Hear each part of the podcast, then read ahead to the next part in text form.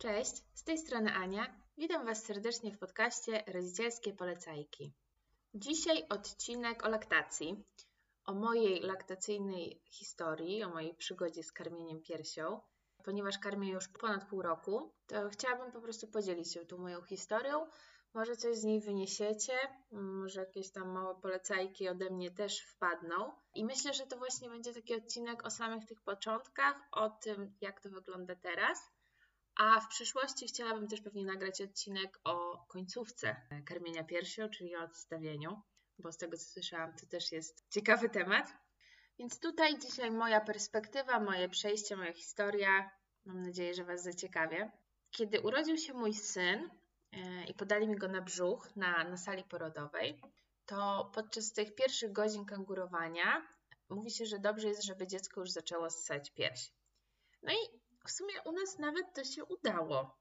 Ja już tak, wiecie, też teraz do końca tego nie pamiętam, tak naprawdę. Na pewno do tej piersi się przystawił. I to w ogóle, jeżeli spodziewacie się dziecka i słuchacie tego właśnie przed swoim pierwszym porodem, to polecam wpisać na YouTubie breast crawl. E, I to jest tak, że jak właśnie dziecko się rodzi, kładą e, na brzuch do matki, to to dziecko jest w stanie samo się przyczołgać do sutka, że ono tak jakby po kształcie, nie, bardziej może po kolorze i po zapachu i jest w stanie, już pomimo tego, że mało co widzi, to jest w stanie ten, ten sutek odnaleźć i jest w stanie się do niego doczołgać, tylko po prostu trzeba dać mu czas. No i my tak mniej więcej zrobiliśmy, z tego co pamiętam, e, i że mały w końcu złapał ten sutek i, no, i coś tam z nim robił tak naprawdę, wiecie, bo to wcale nie jest takie oczywiste, czy to dziecko je, czy nie, jest się, czy nie jest się. Ja długo się tego uczyłam, żeby to ogarnąć w ogóle, jak to powinno wyglądać. Wcale nie jest, nie jest takie proste. Zresztą też myślałam, że z tą laktacją to, to wszystko będzie jakieś takie bardziej naturalne, takie wiecie, trochę instynktowne, a nie, z mojej perspektywy to było naprawdę bardzo trudne. Serio, ja po prostu nie wiedziałam, nie wiedziałam jak go trzymać, jak go przystawiać, no, ale to jeszcze do tego dojdziemy. Także no, przystawił się za pierwszym razem, więc to już podobno super, że już to, to, jest, że to jest ważne. No i później, jak już przyjechaliśmy na tą salę poporodową, no miałam zacząć go tak jakby przystawiać do tej piersi, żeby on jadł. Ja nie miałam zielonego pojęcia, jak go trzymać, jak go przystawić. No wiedziałam o tych pozycjach do karmienia, gdzieś tam sobie międzyczasie na TikToku odpalałam, wiecie, zaufaj położnej czy coś ale kurde, nie miałam żadnego pojęcia, jak go przystawić. No i na oddziale były położne, które tam pomagały przystawić, więc oczywiście też wiecie, każda położna zupełnie coś innego radziła i, z tymi zaleceniami to, to było ciężkie, bo jedna ci mówi rób tak, to będzie dobrze, a druga przyjdzie ci opieprzy, że dlaczego tak robisz, przecież to bez sensu. Także mhm, super. Ale no, pamiętam, że te pozycje właśnie dla mnie były dużym wyzwaniem, żeby jak go trzymać. No i, no i coś tam łapał, coś tam łapał. No tam położne mówiły, że dobrze, że super, że się i fajnie i ten ale jakoś tak nie, nie do końca byłam przekonana, czy to jest ok, czy nie ok. Tym bardziej, że tak jakby nie słyszałam tego dźwięku połykania, a gdzieś słyszałam tam na szkole rodzenia, że, no, że potem można poznać, że słychać takie coś, jak, jak, że dziecko połyka i tego nie było słychać. Faktycznie, jak później przyszła doradczyni laktacyjna e, następnego dnia, to, no to faktycznie, że coś tam chyba jest nie halo, bo, bo, bo nie łyka. Ale wiecie, to też nie było tak, że coś konkretnego, źle, no niby pozycja dobra, chociaż wiecie, odłożyłam go i zaraz musiałam znowu karmić i znowu nie wiedziałam, jak go przestawić. Także no, to było dla mnie mega, mega trudne, tym bardziej, że ja nie jestem jakoś skoordynowana dobrze, ogólnie wiecie, mi jest ciężko jakiś tam, nie wiem, układ taneczny na przykład zapamiętać, no, no nie jestem dobra w takie rzeczy.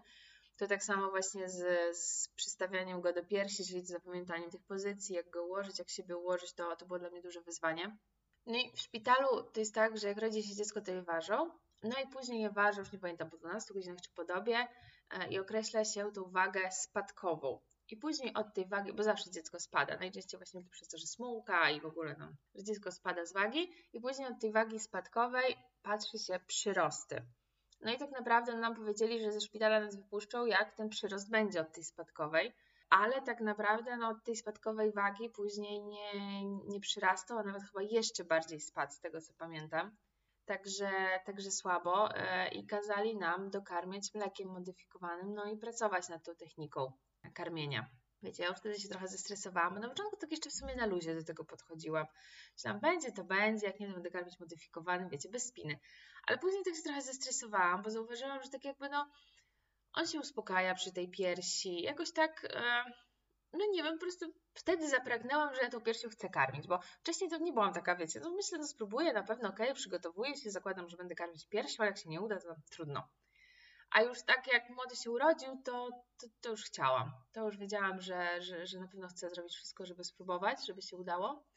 I później doradczyni laktacyjna w szpitalu e, taki nam schemat e, dała, bo w ogóle z tym mlekiem modyfikowanym to już wcześniej gdzieś troszeczkę mu, mu dawałam, e, zanomował położnych, bo po prostu mały bardzo płakał i nie chciał się w ogóle uspokoić. No i tak one stwierdziły, że no pewnie jest głodny. I faktycznie, jak mu dałam trochę z tej butelki tego modyfikowanego, wiecie, na początku są takie malutkie ilości, tam po 10 ml się daje, to one się wtedy uspokają. No i gdzieś z tą doradczynią laktacyjną ze szpitala ustaliliśmy taki schemat, że miałam go przestawiać do piersi 15 minut do jednej, 15 minut do drugiej. Później mleko modyfikowane, tam w zależności w której dobie życia on jest, tam tyle się podaje. I później ja z laktatorem 15 minut pierś jedna, 15 minut pierś druga. Ale też nie do końca tak, bo to była technika 7-5-3, czyli 7 minut jedna pierś, 7 minut druga, 5 jedna, 5 druga, 3 jedna, 3 druga.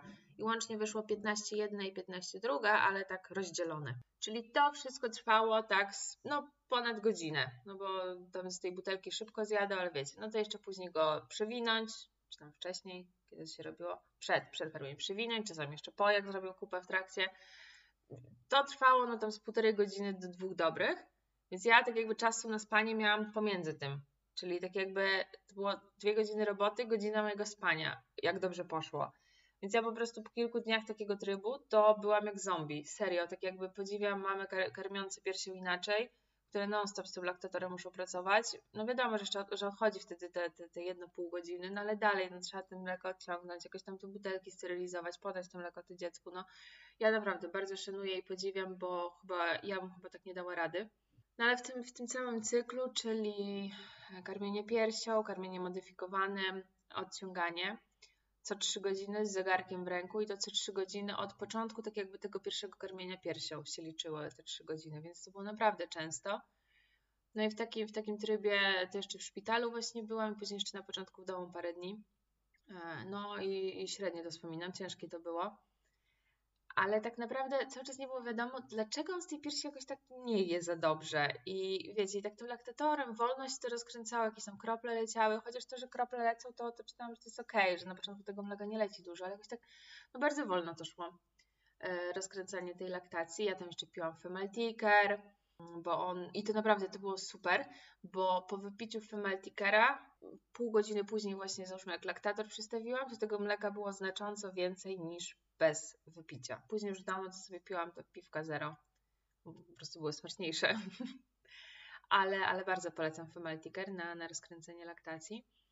I wiecie, i tak do końca nie było wiadomo o co chodzi, dlaczego, dlaczego on sam nie rozkręca tej laktacji, tak jakby, no bo przystawiałam go do piersi, to też było tak, że on się przy tej piersi bardzo denerwował i płakał, tak jakby, wiecie, tak jakby, no od razu się myślał, o Jezu, nie mam mleka, on się denerwuje, że nie leci, ale no ja trochę czytałam o tym, że to, to nie jest tak, że tego mleka nie ma, bo nie ma i tyle. On powinien właśnie tym, to jest tak, że jak dziecko się pierś, to ono po pierwsze je, po drugie tak jakby wyrabia sobie zapotrzebowanie na kolejne dni. To znaczy, że maluszek na początku jest cały czas przy tej piersi, bo on z dnia na dzień będzie coraz więcej jadł, więc musi sobie tak jakby wystawić to zapotrzebowanie na te mleko na kolejne dni.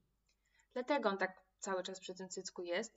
A u nas to było tak, że on się po prostu cały czas denerwował przy tej piersi, że ja go przystawiałam, on płakał, krzyczał, nie chciał, trochę pociągał, ale zaraz się denerwował. Więc ja już w pewnym momencie robiłam tak, że wiecie, że przy tej piersi był, trochę mu z butelki tego modyfikowanego i znowu do piersi. Trochę ciągam, ciągam, ciągał i znowu trochę tego modyfikowanego i znowu do piersi, żeby wiecie, żeby on po prostu no, łapał, próbował. Ale wychodząc ze szpitala, to, no to wyszliśmy w takim stanie, że właśnie dalej był ten e, pierś modyfikowane i laktator w kółko. No bo w końcu zaczął przybierać, no ale no, no dokarmiałam go cały czas tym mlekiem modyfikowanym, także no, no, nie ma co się dziwić. To było właśnie w szpitalu, pamiętam, jako takie duże zmęczenie całym tym cyklem, że po prostu z zegarkiem w ręku, jak bardzo mi się przydał, mam e, taki e, zegarek, mam teraz e, Macefit, taki wiecie, albo może być opaska, albo zegarek, na rękę, taki połączony do telefonu. I ja tam sobie ustawiałam budziki właśnie co 3 godziny, żeby pilnować tego cyklu i one po prostu tak jakby wybudzały w niej wibrację, bez dzwonienia, no bo dzwonienie no to jednak wiecie i u mnie i u współlokatorki z sali to, to by jednak powodowało, że te dzieci by się pewnie bardziej budziły. Mm, w ogóle to, że byłam na sali dwuosobowej, no bo w szpitalu, do którego poszłam, były tylko dwie dwuosobowe sale, to było dla mnie super, bo trafiłam naprawdę na fajną dziewczynę. Pozdrawiam Cię, jak słuchasz. e, naprawdę na fajną dziewczynę trafiłam i myślę, że, że to, że nie byłyśmy w tym samym, bo obie byłyśmy mamami po raz pierwszy, to czułam takie też wsparcie psychiczne, że nie tylko ja radzę sobie jak radzę. I jakoś tak, no nie wiem, mogłyśmy, wiecie, same sobie gdzieś tam próbowałyśmy odpowiedzieć na nasze pytania, pomóc, chociaż obie się kompletnie nie znałyśmy. To jakoś sobie radziłyśmy i, i mocno to wspierało tak jakby na duchu. Chociaż też jak miałyśmy jakiś tam moment załamania, to w sumie obie naraz. Pamiętam taką noc jedną właśnie miałyśmy ciężkie, gdzie z karmieniem tam e, obie miałyśmy jakieś przeboje. No, po prostu, wiecie, to jest i, i takie totalne zmęczenie. I jeszcze właśnie to niepowodzenie z tą laktacją, no mocno to jest wykańczające. Ale właśnie no, wyszłam z tego szpitala taka, nie do końca wiedziałam, co mam robić. Niby, niby coś tam jadł, jeszcze to było tak, że w dniu wypisu w ogóle coś zaczęło być słychać, takie jakby połykanie. Więc to już stwierdziłam, wow, to już, to już dobry znak. I on, no i na tej piersi już tego dnia, co wychodziliśmy, wisiał dużo. Już tak wiecie, już, no już myślałam, że to już tego modyfikowanego to nie trzeba. Już w sumie wtedy to już nawet nie, nie do każdego karmienia chyba dostawał, to już tak wiecie, już trochę zapominam. Ale jakoś tak okej okay było. No i wyszliśmy, tylko wiecie co, wyszliśmy z tego szpitala o po 21. Czekaliśmy cały dzień na wypis. No i przyjechaliśmy do domu. No i co? Trzeba było kupić to mleko modyfikowane. I tak stwierdziliśmy z mężem, a może on już nie, nie potrzebuje? Nie wiem, co w ogóle nam do głowy strzeli, a może już nie potrzebuje? No ale tam w końcu mąż, mąż kupił, pojechał do takiej nocnej apteki. Ale w sumie to nie było tak, że dawaliśmy mu przy każdym karmieniu, tylko to już, już przeszliśmy na ten, na ten tryb, że tak jakby e, moja pierś, laktator i to, co udało im się z laktatora ściągnąć, wiecie, butelką jeszcze go dokarmialiśmy ale też już jednak, no, wydawało mi się, że on już po prostu ładnie jest, już było słychać, w ogóle dużo przy tej piersi już się tak nie denerwował. No ale po paru dniach przyszła położna, no i go zważyła, a tam spadek wagi, a my tak, aha, no to fajnie. Także nie był taki drastyczny spadek, yy, ale tak jakby to, to, co nabrał w szpitalu, to, to z powrotem tak jakby chyba wrócił do tej wagi spadkowej. Także no słabo i położna powiedziała, że, że okej, okay, no to dokarmiamy modyfikowanym, ale to chyba jakoś tak nie, niedużo dokarmialiśmy, że dwa razy dziennie. A, jeszcze jedna znacząca rzecz, bo właśnie przyszła do nas ta położna środowiskowa i ja też tej położnej nie wzięłam takiego pierwszej lepszej, tylko gdzieś czytałam na grupach jaka jest polecana i też przychodnia, jaka jest polecana, żeby się do tej zapisać, więc nie jestem zapisana w moim mieście do przychodni, tylko jestem już w Warszawie zapisana, ale to jest bardzo bliziutko od nas, wiecie, z samochodem 8 minut. Mm, no bo tam właśnie była położna y, polecana i tak samo lekarz pediatra była polecana.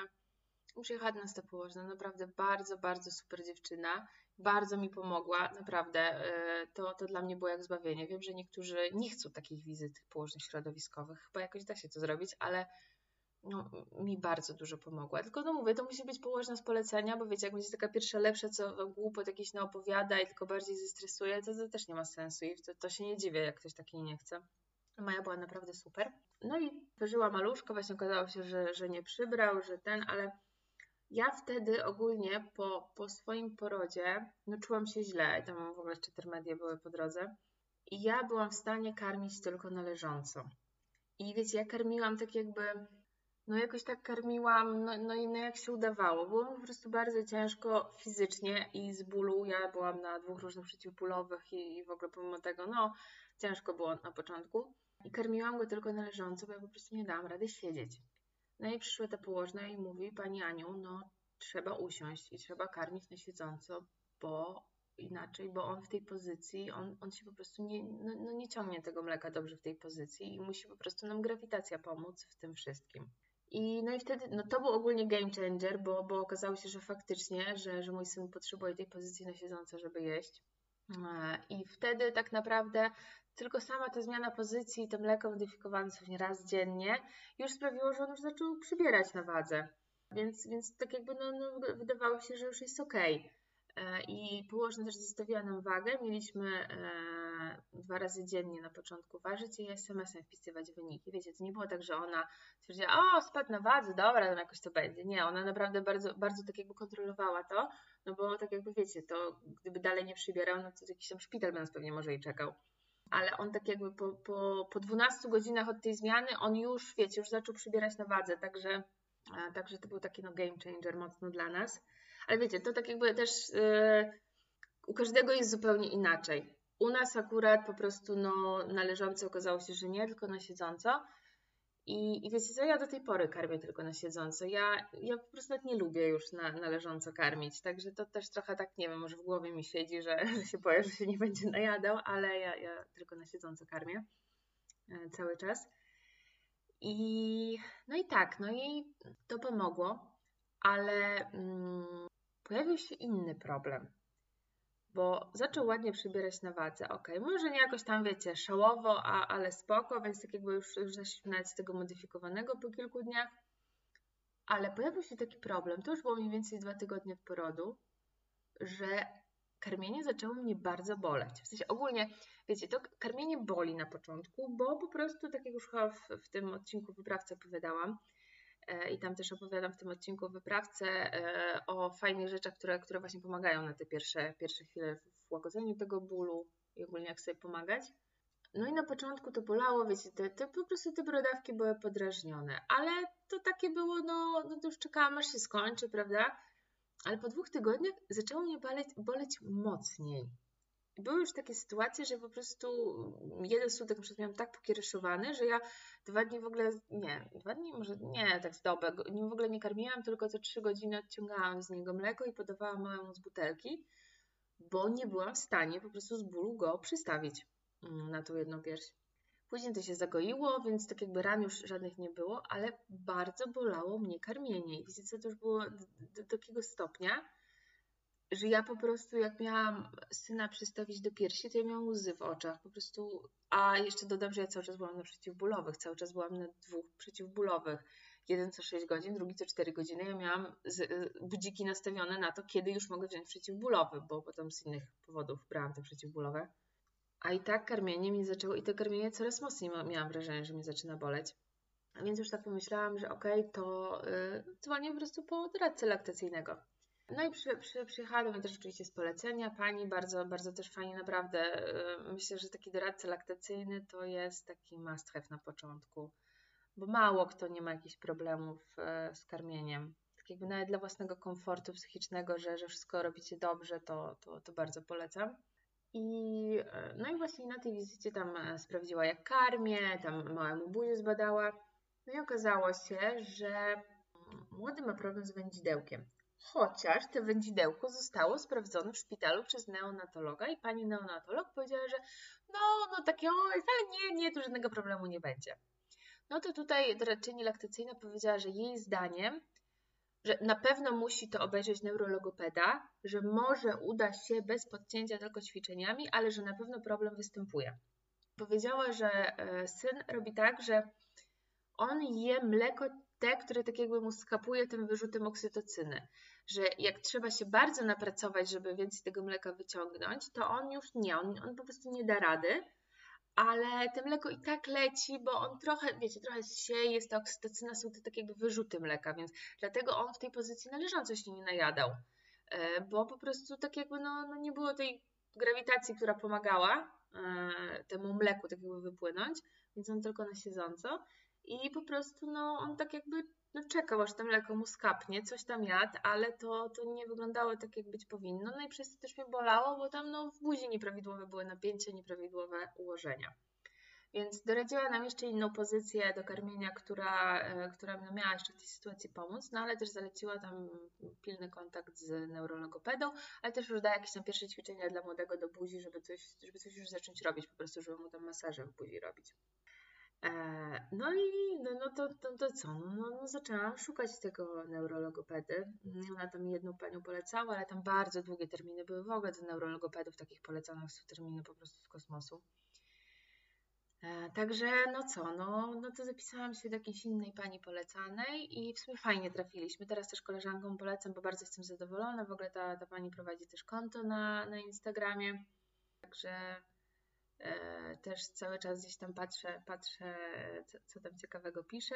Jak ktoś chciał namiar, to, to, to odezwijcie się do mnie, to chętnie polecę. W ogóle jakbyście chcieli namiar na jakichś tam e, specjalistów z tych okolic, no ja mieszkam pod Warszawą, E, także jakbyście chcieli specjalistów z okolic Warszawy, czy, czy właśnie bardziej gdzieś tutaj, no jestem z Piastowa, ale też Ursus i te tereny, to, to śmiało do mnie piszcie, to polecę, bo naprawdę trafiłam na wielu świetnych specjalistów. No i wybraliśmy się do tej pani neurologopedy, ale to też trzeba było trochę poczekać. To chyba, nie wiem, tydzień czy dwa trzeba było poczekać na tą wizytę. A mnie już po prostu tak bolało, że ja, no ja po prostu mówię, no jak miałam go przystawić, to ja po prostu miałam łzy w oczach. I te zalecenia e, pani doradczyni laktacyjnej no pomogły, ale na chwilę i zaraz znowu ten problem wrócił.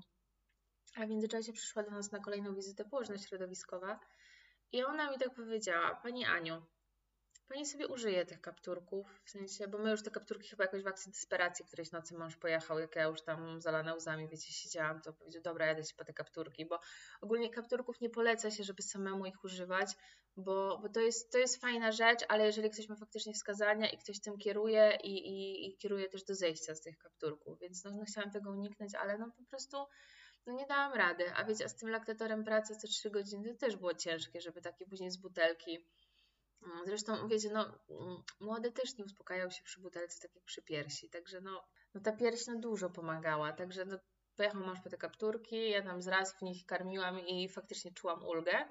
No i przyszła ta położna środowiskowa i mówi, Pani Aniu, tak jakby trzeba zadbać o siebie, tak jakby, bo jak Pani będzie w, takiej, w takim stanie, to, to to mleko po prostu nawet nie będzie lecieć, bo, bo Panią boli, a, a karmieniem, tak jakby to, to opiera się mocno na hormonach i po prostu to mleko nie będzie lecieć. I faktycznie już tam gdzieś widziałam, że młody się jeszcze bardziej denerwował, e, że, że problem był po prostu z tym mlekiem, ale to tylko dlatego, że to się działo w mojej głowie, że ja po prostu miałam taki, wiecie, psychiczny opór przed przystawieniem go i po prostu przez to, że, że to mnie bardzo bolało. E, I wiecie, tak sobie teraz myślę, bo, bo mój syn nie jest takim e, typowym cytkoholikiem, że on tak jakby traktuje pierś, ok, zjem, dziękuję, do widzenia. Czasami jak ma taki bardzo zły dzień, no to faktycznie karmię go częściej, ale to, to nie wiem, czy on potrzebuje tej piersi, czy po prostu jedzenia.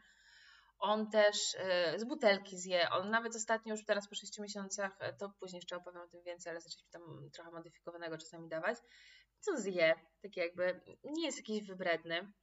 Więc myślę, że to przez tą sytuację, że ja przez tak długi czas tak jakby mnie to bolało ja też nie byłam taka, no dawałam mu tak naprawdę tyle, ile potrzebuje, ale starałam się tego nie przyciągać, bo mnie bolało. I myślę, że on też tak trochę, wiecie, no nie uzależnił się aż tak bardzo, nie wiem jak to powiedzieć. Ale i właśnie położna środowiska mi powiedziała, Pani Aniu, no musi Pani o siebie zadbać, bo, bo, bo to nic z tego nie będzie. I jeżeli te kapturki Pani pomagają, to, to niech Pani ich używa. Tak jakby, no macie jakiś tam plan, idziecie do neurologopedy, no to dlaczego by nie? W sensie, no, no, no jakoś sobie radzić trzeba. I ja wtedy tak w sumie tak, wiecie, trochę, tak, tak trochę nie wiem, poczułam taki oddech i tak stwierdziłam faktycznie, tak jakby okej, okay, ktoś, mi, ktoś mi dał zielone światło na to i, no i karmiłam w tych kapturkach do, do wizyty u neuro, neurologopedy. Czasami próbowałam bez i to było tak, że jak próbowałam bez, to jedno karmienie było ok, drugie ok, a trzecie już po prostu znowu to samo.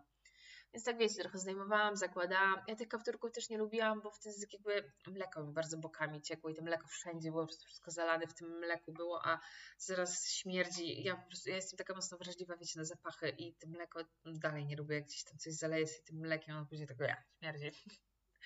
Nie, nie, u mnie musi, nie, nie, nie, jak coś tylko zaleje mlekiem, to od razu do prania idzie.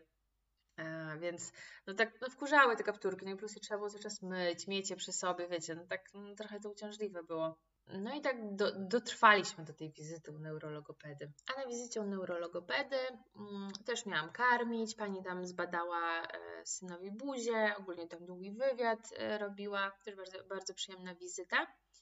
No i stwierdziła, że te wędzidełko jest ewidentnie do podcięcia, że on po prostu nie da rady tym języczkiem dobrze ssać, nie da rady po prostu dobrze jeść i nawet jakbyśmy teraz nie przyszli na butelkę, to ten problem wróci. Wróci na przykład przy rozszerzaniu diety, że sobie nie będzie radził, albo że nie będzie chciał czegoś jeść, będzie mocno wybiórczy, czy wróci przy, przy tym, jak zacznie mówić, że na przykład będzie miał problemy z mową, albo że będzie syplenił, że tak jakby Wiecie, żyć z tym można, ale to będzie bardzo utrudnione.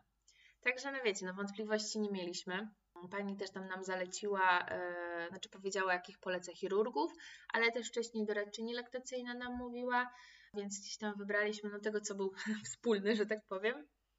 wybraliśmy właśnie chirurga, mm, do którego pójdziemy. No, ale to też nie jest tak, że, że wiecie, że jest diagnoza i cyki dzieci na cięcie, dziękuję, do widzenia. Nie, nie, nie. To Wiecie co, jakoś tak, ja słyszałam opinię, że te podcięcie wędzidełka to jest, e, to takie pyk, pyk, cyk, już po sprawie, o kurde, nie. To, to, to też była ciężka przygoda, bo to jest tak, że na początku około dwa tygodnie trzeba masować buzi dziecka. E, my robiliśmy tak, że, że jak jest taka jednorazowa rękawiczka, e, wiecie, taka, taka plastikowa, to my odcinaliśmy jej palce i, no i gromadziliśmy te palce, że tak powiem, no i taki jeden palec do masażu braliśmy i później go wyrzucaliśmy, więc wcześniej trzeba było poobcinać te palce, sobie przygotować gdzieś tam, żeby było, no bo masować trzeba było co 3 godziny. I to jeszcze wiecie, jak przed, przed tym podcięciem, to to masowanie były po to, żeby przygotować tkankę, bo ona musiała być elastyczna, żeby i te podcięcie dobrze szło i żeby później się dobrze goiło, a po podcięciu trzeba masować, żeby to się dobrze zrosło. I o ile przed podcięciem, jak źle wymasujecie, to przyjdziecie do chirurga i chirurg Wam powie, nie, nie, nie, to, to nie jest gotowe, ja tego jeszcze nie podetnę. Więc takie będą jeszcze pół biedy. Ale jak po podcięciu źle będziecie masować, o, to się może hardcore zrobić. Tam jakieś mogą być wzrosty, y, to się może źle, może jeszcze trzeba raz będzie, może będzie jeszcze gorzej nawet. Więc... Yy no, te, te masaże i to też te 3 godziny, czyli tak naprawdę no, sobie gdzieś tam z mężem powiedzieliśmy, ok, no to co karmienie, masowanie. No i oczywiście Bobas tak średnio lubi to masowanie, a to też e, nie może być e, tak jakby jak dziecko płacze. W sensie dziecko musi być, e, no, no nie, nie powiem, że w dobrym humorze, wyśmienitym śmiać się, ale nie można tego robić na pewno na siłę, bo to może przynieść też odwrotne efekty, że to wszystko będzie pospinane i wiecie, masowanie na takiej tkance nie ma sensu. Czyli no, no trzeba się z tym trochę napracować, żeby po prostu dzieciaczko gdzieś tam rozweselić, zabawić, zagadać i żeby robić te masaże.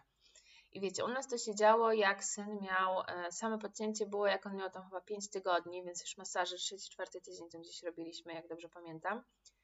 Więc on jeszcze był taki bardzo malutki i wydaje mi się, że wtedy było o wiele łatwiej niż jakbym na przykład miała teraz mu to robić. Bo wiecie, no te wędzidełka podcinają jeszcze długo później, no bo tak jakby jak ktoś od razu przed zaniecha, okej, okay, no to nie karmię piersią, bo, bo się nie udaje, no to gdzieś ten problem później może przyjść. Właśnie na przykład, nie wiem, przy rozszerzaniu diety, czyli teraz 6 miesięcy, no i takiemu maluszkowi, żeby podciąć to wędzidełko, o, no to ja dziękuję teraz go co 3 godziny masować, przecież on by mi awanturę za każdym razem robił. Więc myślę, że też dobrze się stało, że tak wcześnie wyszło, bo on po prostu był jeszcze taki, no taki malutki, wiecie, no to wszystko inaczej, dla niego wszystko było nowe, więc to, że ktoś mu palec pcha do buzi, to tak jakby, to tak samo było dla niego dziwne, jak i zmiana pieluszki, no. Także wydaje mi się, że, że przez to było jednak łatwiej. No ale tak, dwa tygodnie masowałam i naprawdę masowałam po prostu z mężem na zmianę, głównie jednak ja, ale, ale mąż też tam masował, no bo tak chcieliśmy też na zmianę, wiecie, bo może któraś z nas coś źle robi, tak no, no na wszelki wypadek się zmienialiśmy.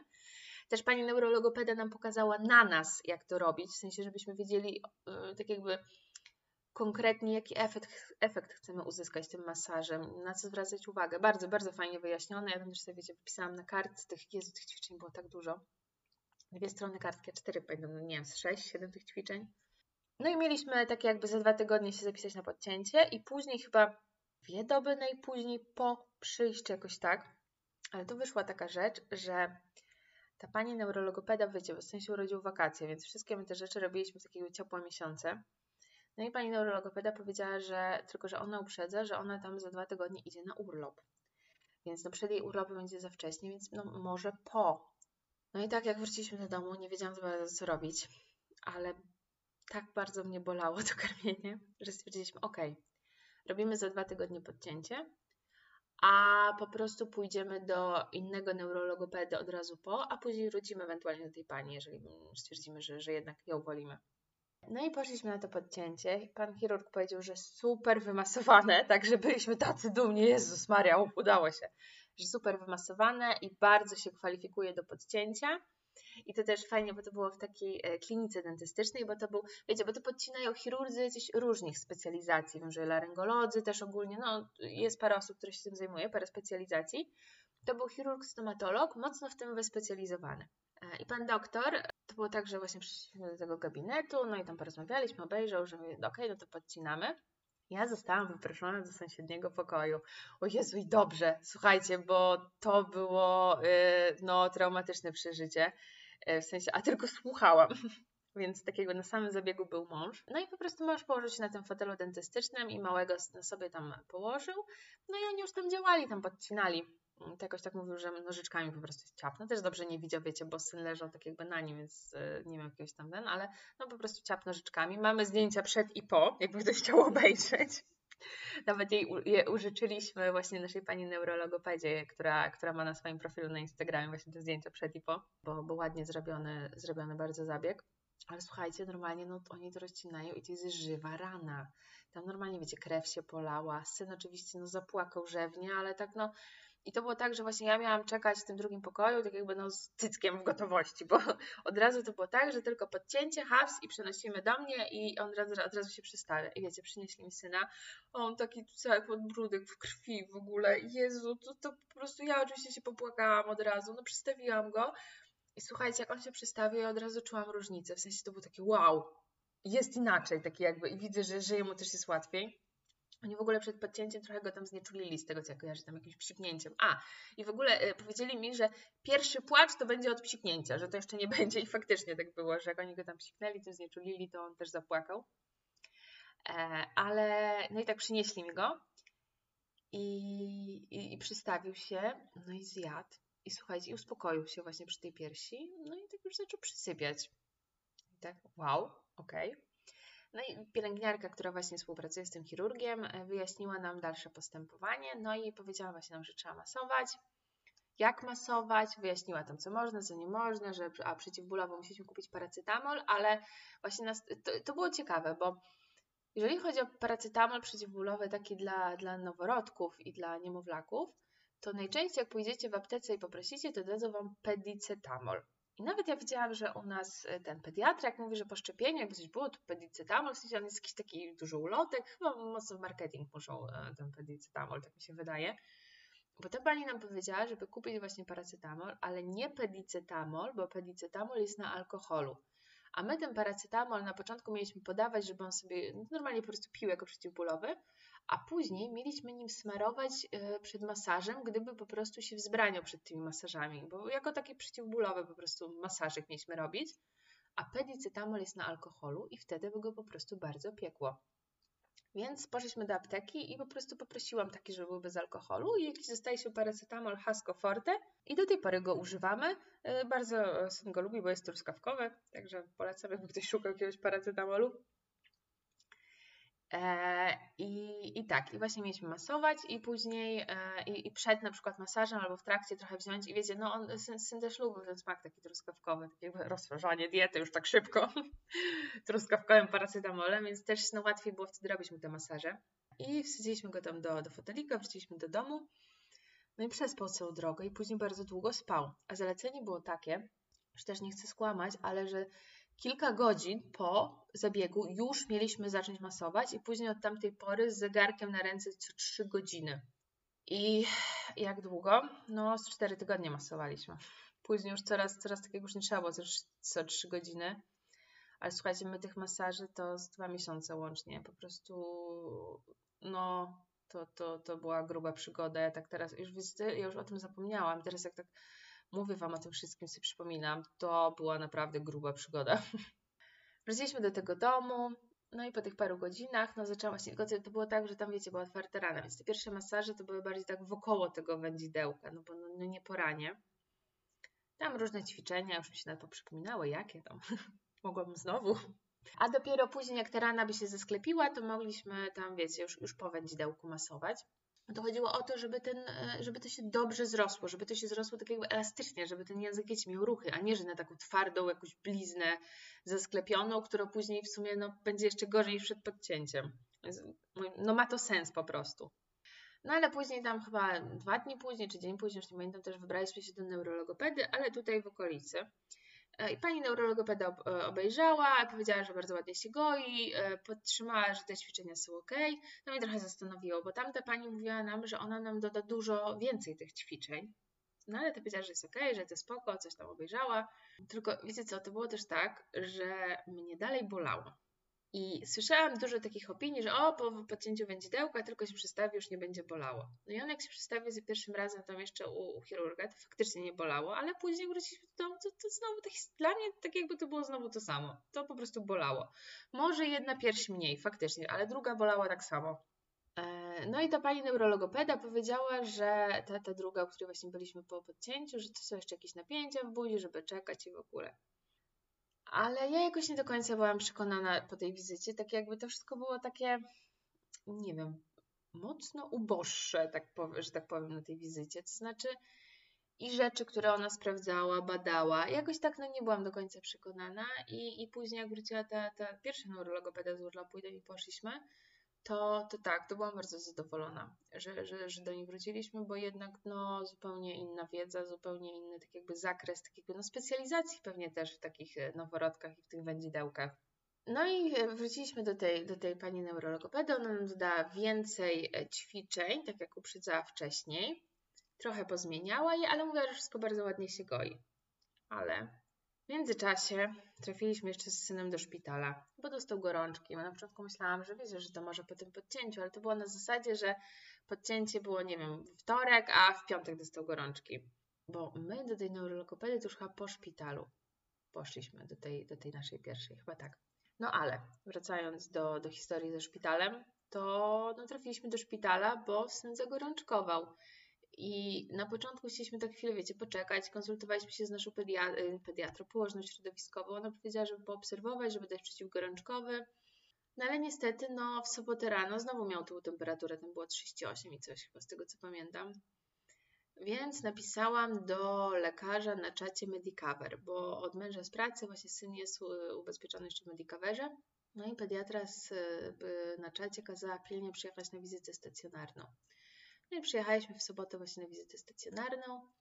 No i pani mówi, że słuchajcie, pani pediatra mówi tak, że ja go zbadam, oczywiście zobaczymy, czy, czy tam coś widać, co, co się dzieje, czy nie, ale ze względu na to, że on jest taki mały, on tam miał 6 tygodni, to mm, no, to trzeba iść do szpitala po prostu, no takie maluszki, no, no, no po prostu kładzie się do szpitala, bo u takiego maluszka to nie wiadomo, co się z tego rozwinie, a to rozwija się błyskawicznie. No to my już, mhm, no to fajnie. No nie będę już tej całej historii, historii przytaczać, może gdzieś tam e, przy innej okazji, mm, ale byliśmy w szpitalu i słuchajcie, w tym szpitalu musiałam też go cały czas masować, żeby wiecie, to się nie zrosło, więc nie dość, że historia ze szpitalem, on tam biedny, wiecie, ten węflon, jakieś tam kroplówki, to jeszcze te masaże co 3 godziny. No ale masowałam, no wiecie, no zależało mi na tym, żeby to się dobrze zrosło i oczywiście dalej mnie bolało, a w szpitalu też miałam takie zalecenia, żeby go karmić jak najwięcej, no bo, no bo po prostu jest chory, on tam miał wtedy y, wirusy po prostu złapał gdzieś, najprawdopodobniej w którejś z tych placówek, do której chodziliśmy w związku z tym wędzidełkiem, po prostu tam wiecie, były też inne dzieci, więc po prostu się czymś zaraził. E, no i miałam go karmić jak najwięcej, żeby się nie odwodnił, mnie to bolało, także no możecie sobie wyobrazić, super było. Ale jak poszliśmy właśnie już po tym szpitalu do tej naszej pani neurologopedy, to ona powiedziała, że faktycznie wędzidełko jest super podcięte, super się zrasta, bardzo dobrze masujemy, ale tu jest coś jeszcze według niej, że on ma bardzo duże napięcia w buzi i że ona poleca pójść do osteopaty. Ona już o tym, wiecie, wspominała trochę wcześniej, ale no najpierw musieliśmy podciąć, wiecie, nam jeszcze było dużo, dużo kroków. E, no i wybraliśmy się do osteopaty. I osteopata faktycznie potwierdził, że po prostu ma napięcia tak jakby w buzi i na górze klatki piersiowej i według niego to jest spowodowane tym, że on e, bardzo wcześnie, jak byłam w ciąży, to przekręcił się głową do dołu. Czyli tak jakby u mnie w brzuchu, w tej pozycji głową do dołu, do porodu, to on już w 18 tygodniu to już na bank był. Może nawet wcześniej. Więc on większość ciąży tak jakby tą głową do dołu sobie przechodził. I że przez to się dużo napięcia mu w barkach skumulowało. No i na tej wizycie go, ale powiedział, że wszystko inne jest ok. Na tej wizycie go rozmasował i dał nam ćwiczenia, które my mieliśmy z nim robić. To były naprawdę małe ćwiczenia i takie, że on to tak jakby spoko lubił je, to, to nie było nic dużego. Ale słuchajcie, to w końcu zaczęło działać. W końcu to zaczęło działać, tak jakby te ćwiczenia na buzie, bo, bo też w buzi oprócz na te wędzidełka ćwiczenia, ta pani neurologopeda dodała nam jeszcze takie właśnie na rozluźnienie tej jamy ustnej e, więc one jeszcze tam były na zewnątrz te ćwiczenia. E, no i plus te od tego osteopaty, no i słuchajcie, to zaczęło działać. I, I to zaczęło działać i faktycznie zaczęło mnie o wiele mniej boleć i to już, to już wiecie, to, to, no to już było bardzo duża różnica. Ale, ale żeby nie było. I tak jakby w całej tej historii, przy tym wędzidełku i tym wszystkim, ten szpital ten, no to on przybierał na wadze. Dobrze przybierał, tak jakby przestało, przestaliśmy mieć te problemy. Mm, więc on jadł dobrze, ale po kilku dniach tak jakby już takiej ulgi, że już faktycznie te karmienie nie sprawiało mi bólu, znowu zaczęłam czuć jakiś dyskomfort. I tak sobie, Jezu, po prostu, czy, czy to się nigdy nie skończy, czy po prostu tak jakby, i wiecie, już tak jakby, to już, już nie chciałam się poddawać już chyba ze względu na to, na to, ile przeszliśmy w tej całej historii. Myślę sobie, Jezu, co ja mam zrobić? Ale też zauważyłam, że tak jakby te moje sutki zaczęły mieć taki malinowy kolor. Jakoś tak, no coś było inaczej. No i zaczęłam czytać, czytać rzeczywiście grupy na Facebooku. Tam grupa karmienia piersią i grupa HAFI. I wyczytałam, że to może być jakaś grzybica sutków albo jakaś infekcja, bo faktycznie one zmieniły po prostu swój wygląd. I napisałam do, do doradczyni laktacyjnej, tej, która u nas na początku była, i ona poleciła mi pójść do pediatry, że, że po opisie brzmi jak grzybice sutków. Nie wiedziałam, że coś takiego jest. I ona poleca pójść do pediatry laktacyjnej. E, zadzwoniłam do, do tej polecanej pediatry, to jest pediatra, doradca laktacyjny. O. Ale akurat ta pani szła na urlop, więc tam się umówiłam na później, a w międzyczasie poszłam do naszej pediatry. Nawet nie to, że specjalnie, tylko jakoś przy okazji pewnie jakiejś tam szczepiennej wizyty czy bilansu. Mówię jej o tej historii i ona mi tam zapisała maść na receptę. E, no i smarowałam tą maścią, wiecie, musiałam ją zmywać przed każdym karmieniem, znowu roboty po prostu z tym, z tym było, ale nie widziałam żadnych, e, tak jakby żadnej poprawy. A też syn nie miał w buzi pleśniawek, bo jednak często jest tak, że jak mama ma grzybice sutków, to dziecko ma pleśniawki w buzi, a tych pleśniawek nie było. Poszłam na wizytę do, do tej, później do tej doradczyni e, laktacyjnej pediatry, no i ona mówi, że faktycznie coś nie tak jest tutaj, że tak jakby to wygląda albo grzybica, albo infekcja ale że no ciężko jest zbadać taką ranę, że tak powiem, znaczy, bo to nie jest rana. Jakby to była rana, to by się wzięło z tego wymaz i można było sprawdzić, czy to, są grzybi, czy to jest grzyb, czy to jest e, infekcja jakaś. Ale że no to jest ciężko zbadać. Ja jeszcze w międzyczasie w, w z dermatologiem się ko, e, kon, kontaktowałam i tam dostałam skierowanie na, na wymaz na hodowlę grzybu, więc hodowlę grzybu sobie tam robiłam w międzyczasie, ale to trzeba było czekać 4 tygodnie. I finalnie tak wyszło, że nic tam nie ma. No ale parę razy się, właśnie byliśmy na tej wizycie raz u tej, u tej pediatry, doradcy laktacyjnej, później przez, e, przez takiego przez telefon się z nią. To było bardzo fajne, bardzo miło z jej strony, że po prostu do mnie odzwaniała, ewentualnie jakieś recepty mi wystawiała, ale w sumie tak trochę, wiecie, mm, to było takie błądzenie w ciemności, że po prostu ona mi zapisywała maści na jakieś inne rzeczy, w międzyczasie jeszcze jakiś lek na grzybicy przyjmowałam i, i to to nic nie przynosiło, przynosiło uwagi, y, uwagi, przepraszam, to nic nie przynosiło pomocy. Ja już mam taki epizod, że wiecie, co karmienie to dezynfekowałam od staniseptem, już cuda nie widzę, robiłam z tymi sutkami, już myłam tylko jakimiś specjalnymi środkami. A to cały czas, i wiecie, i to, to mi sprawiało ból, po prostu to bolało, ale to bolało inaczej niż na początku. Na początku, jak z tym wędzidełkiem, ta historia to bolało inaczej, a to bolało inaczej. I to też już nie był taki ból, że ja po prostu nie dałam rady karmić. To był taki no, znośny ból, ale no, no jednak bolało i sprawiało to dyskomfort. Ale ta pediatra laktacyjna powiedziała mi jeszcze jedną rzecz, że mm, opowiedziała mi o czymś takim jak objaw Reynolda, bo mi tak jakby po karmieniu bielały, no bo klasyczny ten objaw przy karmieniu piersią to jest tak, że po karmieniu bieleją sutki, że nagle sutki stają się takie, takie, bardzo jasne. A u mnie bieleje ta otoczka sutkowa. Nie wiem, strasznie wygląda jak takie oczy pandy trochę. ja to mam cały czas. I wiecie, i, i chyba wyszło na to, że to to mi sprawia ból, że to przez ten objaw. Na to są w ogóle leki, ale mm, wiecie, ten dyskomfort to już przestał taki być, no ja stwierdziłam, że już chyba nie ma sensu, bo później jeszcze kontynuując historię z tymi czerwonymi sutkami, to ja robiłam i wymaz na, na wszystko, co się da. Już wszystkie laboratoria objeździłam i wymastaki, i siaki, i na te grzyby hodowle. Nic tam nie wyszło, więc ona chyba no po prostu no, no, no, tak jest. Ale ten objaw do tej pory czuję takie, w sensie takiego karmienie to nie jest coś, co, co jest dla mnie takie obojętne, tylko taki leciusieńki dyskomfort czuję. Ale wiecie co, ja z tym nic nie robię, bo to jest takie no takie leciusieńkie, że tak jakby serio, tak jakby no nie ma nawet sensu, bo wiem, że chyba można ten objaw jakieś tam witaminy brać, coś tam, coś tam, ale u mnie to jest tak naprawdę, że serio, nie, nie ma absolutnie potrzeby, żeby cokolwiek z tym robić. Także, ale jak ktoś ma właśnie jakiś. Tylko u mnie to też nie jest takie klasyczne, bo normalnie przy tym objawie to jest tak, że e, chyba jak jest zimno, to to boli bardziej, że, że trzeba rozgrzewać. A u mnie nie, u mnie wcale tak nie jest. U mnie po prostu przy karmieniu jest taki lekki dyskomfort. No, jest dużo rzeczy, które mogą pójść nie tak przy laktacji. Podsumowując, u mnie poszło ich bardzo dużo, ale karmię już pół roku. I, i było przez większość tego pół roku ok. Teraz y, trochę się zawirowało to w podsumowaniu grudnia i podsumowaniu stycznia o tym opowiadam, ale wyszło nam tam alergia najprawdopodobniej i jestem na diecie bez białka, mleka krowiego i od kilku dni jeszcze bez jajek, żeby było ciekawiej. Po prostu sen tak jakby ma reakcje alergiczne i, i wychodzi na to, że to prawdopodobnie to. Więc tutaj trochę takie zawirowania, ale, ale mówię, to jest większy temat i dopiero wyszło tam bliżej piątego miesiąca. I co jeszcze do laktacji chciałam dodać, że mm, my też za radą w sumie doradczyni laktacyjnej od początku synowi podawaliśmy butelkę. Tylko taką, wiecie, butelkę z wolnym przepływem, nie to, że cały czas, tylko tak raz dziennie, raz na kilka dni.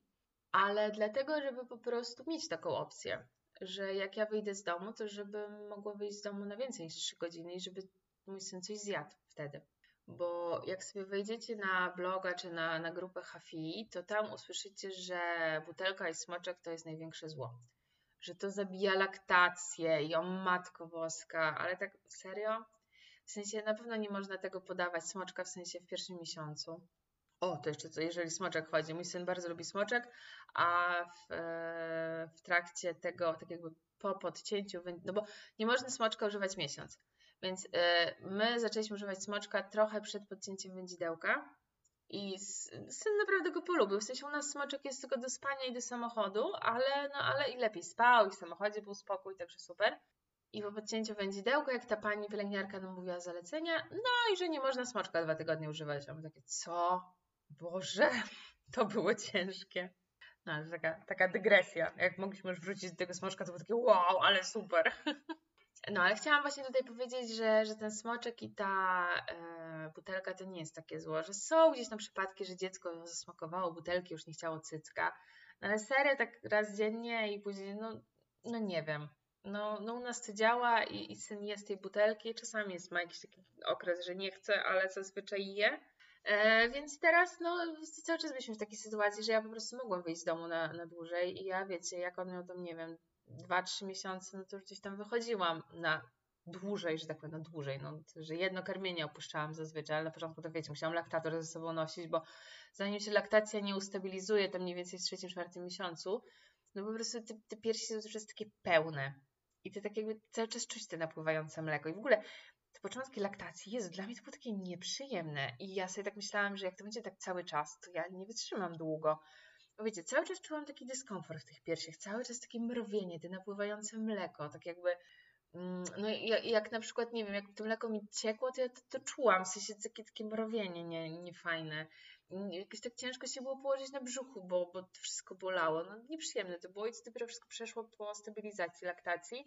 I też tak jakby teraz zrobienie sobie dłuższej przerwy w karmieniu, no to jest tak, że no po jakimś czasie no czuję po tych piersiach, ale to no sobie mogę trochę ręcznie odciągnąć to mleko, jest git. A wcześniej to nie, musiałam laktator ze sobą, nosić. Byłam na, e, na znajomych trzydziestce i, i z laktatorem, bo e, schodziłam do łazienki, sobie tam odciągałam raz mleko, no bo no nie byłam w stanie wytrzymać.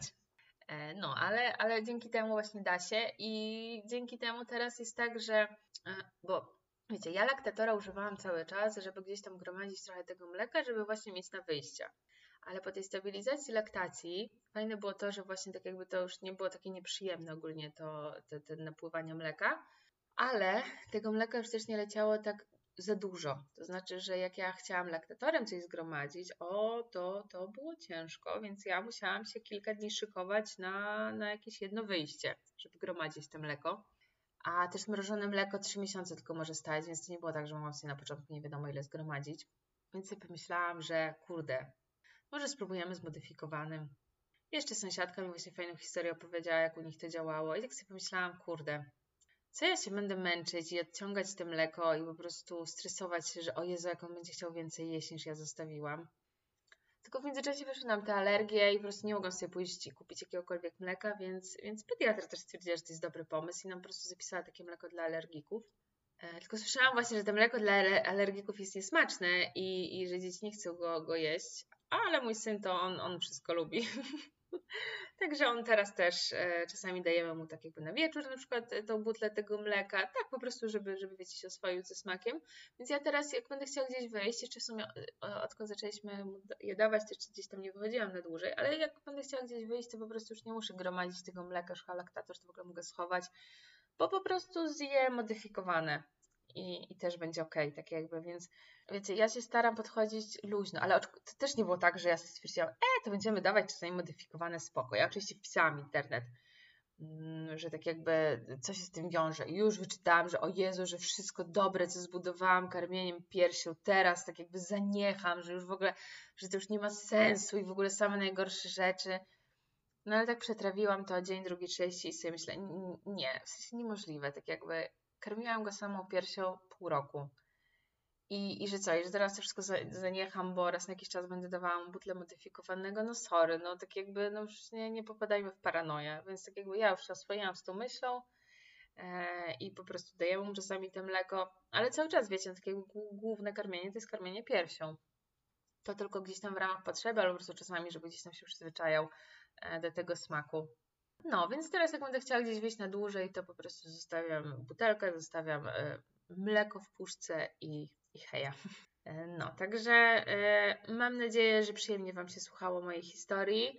Mam nadzieję też, że Wasza droga jest, będzie albo była łatwiejsza niż moja, chociaż wiem też, że też nie był jakiś tam hardcore.